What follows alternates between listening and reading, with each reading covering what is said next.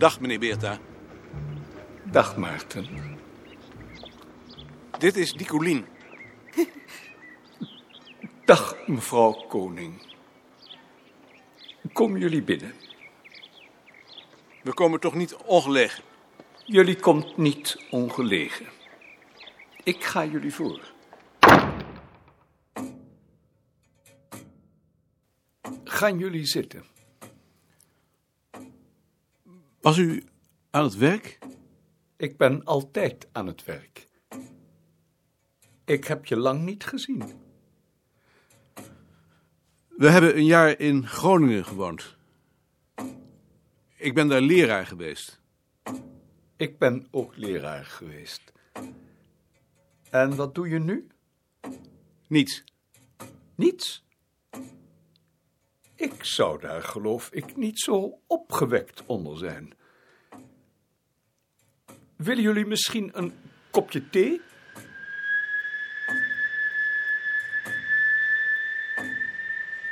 Van wie zou die tekening van die boerenjongen zijn? Van Dorp of van Konijnenburg? Zou hij het wel prettig vinden dat we komen? Natuurlijk vindt hij het prettig.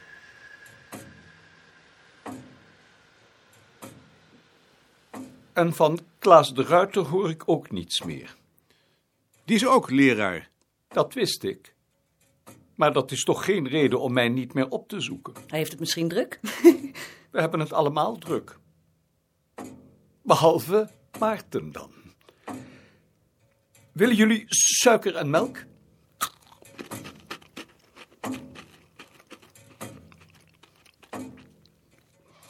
En nu schrijf je zeker aan een proefschrift. Ik schrijf geen proefschrift. Schrijf je geen proefschrift? Ik dacht altijd dat het eerste waar iemand die afgestudeerd was zich toe zette, het schrijven van een proefschrift was. Dat hebt u toch ook niet gedaan?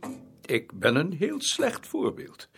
Ik zou niet graag zien dat je je daaraan spiegelde. Ik heb de aan mensen die een proefschrift schrijven alleen om de titel. Als je wat te vertellen hebt, kun je dat ook wel zonder proefschrift. En ik heb niets te vertellen. En wat vindt je vrouw daarvan? Ik ben het ermee eens hoor. Ik zou niet willen dat hij een proefschrift schreef. Ik heb mijn hele leven nog nooit één origineel idee gehad. En toch heb ik een proefschrift geschreven. Wat laat. En ik denk ook niet dat iemand het gelezen heeft, behalve mijn promotor natuurlijk. Maar ik ben onze lieve Heer nog iedere dag dankbaar dat ik het af heb mogen maken.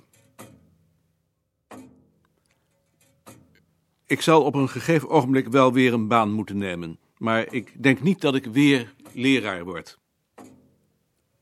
Ik heb een, een vacature. Als je wilt, kun je die krijgen. Ik mag een wetenschappelijk ambtenaar aanstellen voor het werk aan de Atlas voor Volkscultuur. Ik wil het wel proberen. Dan moet je er nog maar eens over nadenken. En dan moet je me de volgende week maar eens op het bureau komen vertellen waarom je het wilt proberen. Waarom zei je nou dat je dat wel wilt doen? Ik moet toch een baan hebben? Maar toch niet in de wetenschap? Wat doet het er naartoe of je een baan hebt in de wetenschap of ergens anders? Ik dacht dat je ook de pest aan de wetenschap had. Aan mensen die er status aan ontlenen, ja, die denken dat het belangrijk is. Je hoeft niet zo te schreeuwen. Ik schreeuw niet. Ik vraag je toch alleen wat? Wat moet ik dan worden? Weer leraar? Er zijn toch nog andere baantjes te verzinnen als leraar? Wat dan? Nou schreeuw je weer. Wat dan? We hebben er wel gezien dat ik dat niet kan. Mensen om werk vragen en mijn hand ophouden. En als ik dan weer een baantje neem? Voor jou is het nog erger als voor mij. Beerta neemt het zelf ook niet serieus. Hij kan in ieder geval relativeren. En zijn bureau heeft geen enkel aanzien. Dat wordt door iedereen belachelijk gevonden. Waarom is het er dan? Omdat hij wel hersens heeft. Hij doet precies genoeg om zich te handhaven. En iets wat er eenmaal is, schaffen ze zo gauw niet af. Als het me niet bevalt, kan ik er voor je weg. Ik ben toch ook uit het leraarschap weggegaan? Ja,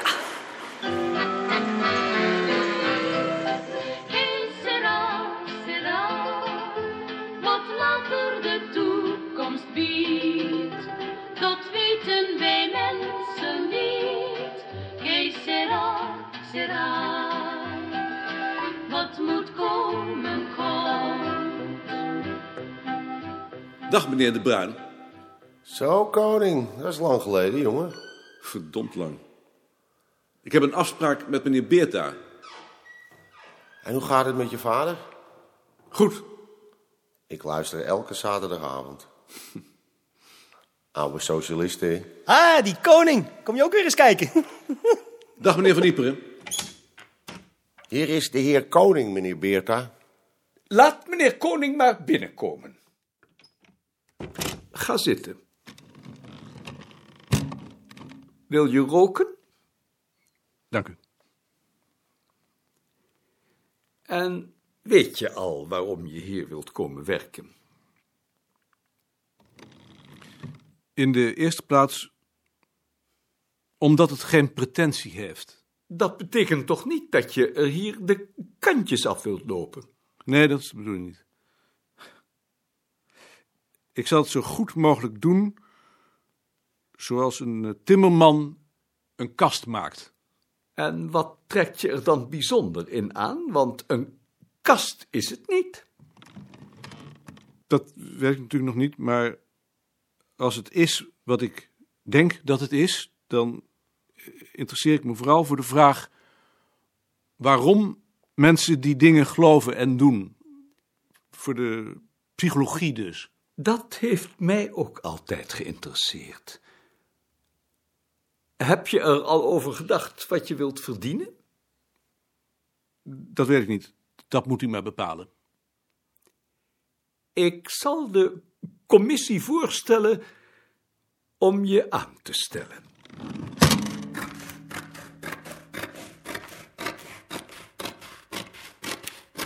Hé, hey, wat doe jij hier? Ik kom hier misschien werken. Je meent het niet. Ach, meneer Wiegel, Je kent de heer Veerman? ik heb hier toch wel zo'n merkwaardig knipseltje. Heel merkwaardig, mag ik wel zeggen. Straks, meneer Veerman. Ik heb nu b- bezoek. Had je niet wat beters kunnen bedenken? Nee. De een weet niet hoe hij hier weg moet komen en de ander komt hier vrijwillig werken.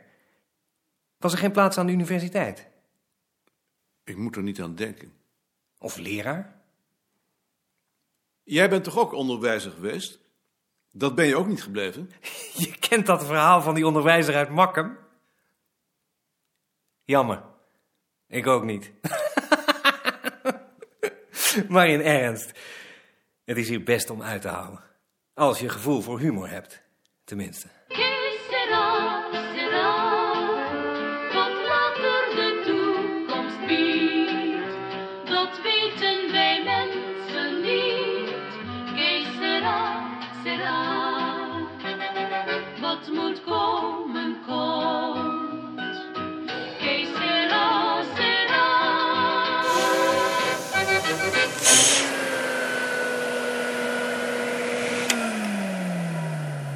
Hoe was het? Hij zal het aan de commissie voorstellen. Maar vroeg je dan niks? Ik geloof dat ieder antwoord goed geweest zou zijn. Maar je hebt toch zeker wel gezegd dat je de pest hebt aan de wetenschap? Ik heb gezegd dat het me aantrekt dat dit werk geen pretenties heeft.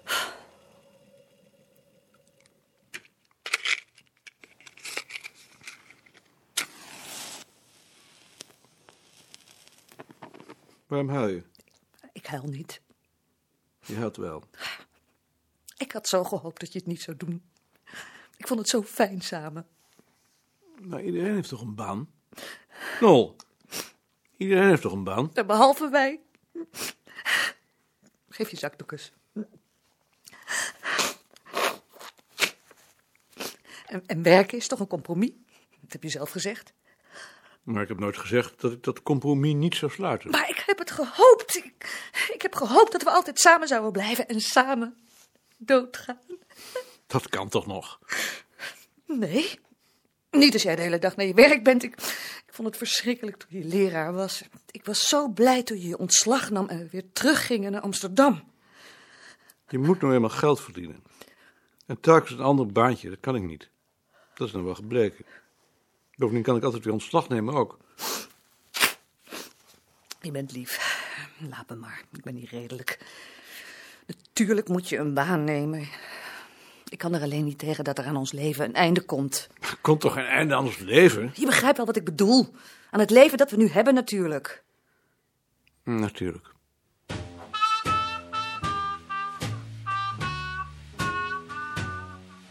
Ik heb de eer u mede te delen dat de commissie u in haar gisteren gehouden vergadering met ingang van 1 juli aanstaande heeft benoemd tot adjunct wetenschappelijk ambtenaar. Gaarne zal ik vernemen of deze benoeming aanvaardt. u deze benoeming aanvaardt. Secretaris der commissie AP Beerta. Beste Maarten, na de officiële brief die ik je schreef, wil ik je wat minder officieel met een enkel woord schrijven dat ik het een heel prettig denkbeeld vind.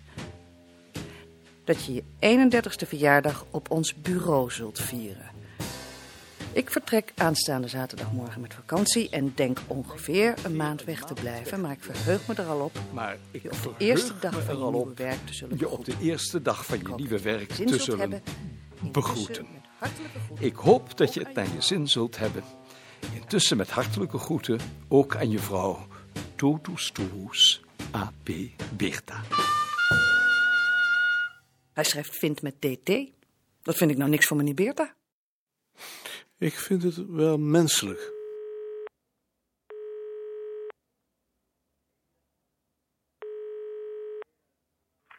Met Klaas.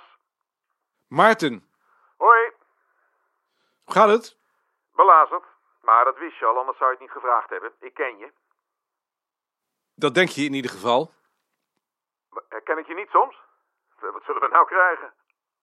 Ik heb een baan bij Beerta. Bij Beerta. Waarom in godsnaam? Omdat ons geld op was.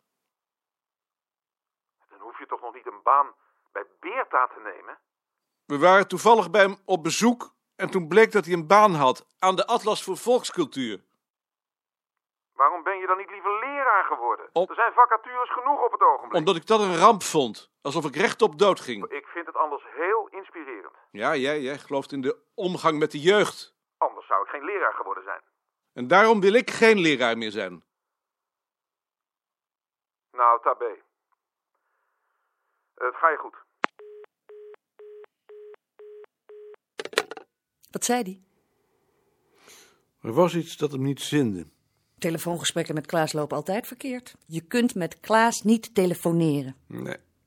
Je hebt ook niet verteld dat Beerta naar hem gevraagd heeft. Nee, daar kreeg ik de tijd niet voor.